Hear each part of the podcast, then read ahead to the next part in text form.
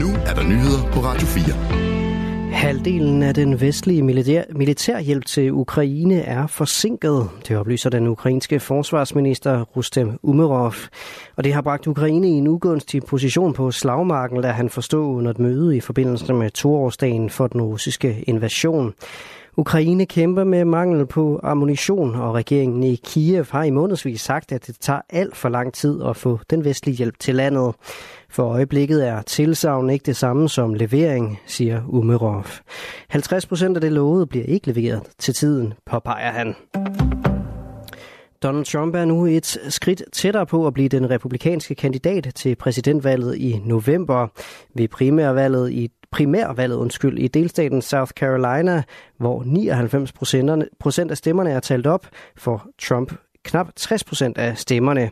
Hans seneste modkandidat, Nikki Haley, får 39,5 procent af stemmerne, oplyser analyseinstituttet Edison Research.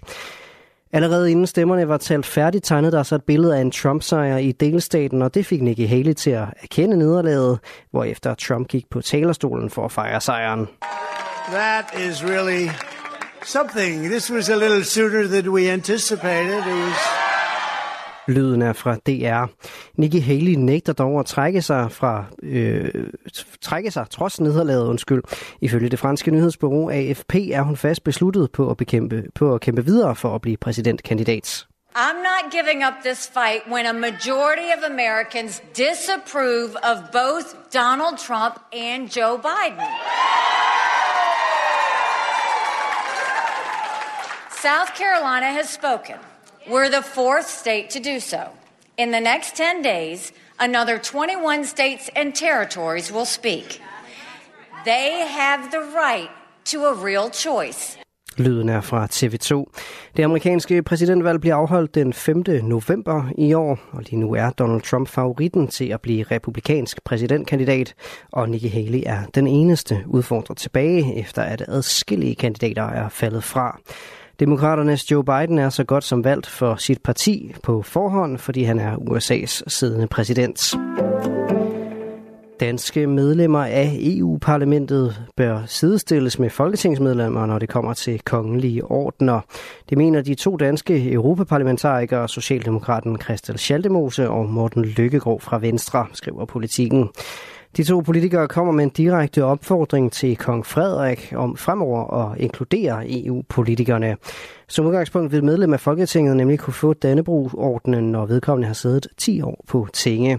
Men det samme gælder altså ikke for de politikere, der sidder på de danske mandater i Bruxelles. Derfor har Christel Schaldemose, der har siddet i EU-parlamentet siden 2006, ikke fået tilbudt nogen orden. Og det er udtryk for manglende ligestilling, siger hun til politikken. Men nu er der jo en ny konge, og vi bliver også i stigende grad inviteret med til diverse arrangementer, hofballer og den slags.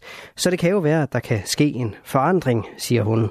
Schaldemose bakkes op af Morten Lykkegaard, der har repræsenteret Venstre i EU-parlamentet siden 2009. Af en eller anden grund øh, er øh, folk, der arbejder i Europaparlamentet som mig, øh, vi er ikke underlagt de samme vilkår som folketingsmedlemmer. Det synes jeg er mærkeligt, fordi vi arbejder på samme måde for Danmarks interesser, som man gør i Folketinget. Siger han til DR. Politikken har spurgt kongehuset, som ikke har besvaret spørgsmålet. Google har midlertidigt stoppet funktionen Gemini, der ved hjælp af kunstig intelligens skaber billeder af mennesker. Google har truffet beslutningen efter, at Gemini-brugere har delt billeder skabt af modellen, der for det meste indeholdt farvede mænd og kvinder. Også senere fra verdenshistorien, der ellers kun har involveret hvide mænd, eksempelvis er paven både blevet afbildet som kvinde, selvom der aldrig har været en kvindelig pave. Google forklarer baggrunden for at sætte tjenesten på pause ved, på følgende måde. Vi er klar over, at Gemini tilbyder unøjagtigheder i nogle historiske billedgenereringsafbildninger. Gemini genererer generelt en bred skare af mennesker, og det er generelt en god ting, fordi folk over hele verden bruger den. Men her rammer den altså ikke rigtigt, skriver Google på det sociale medie Twitter.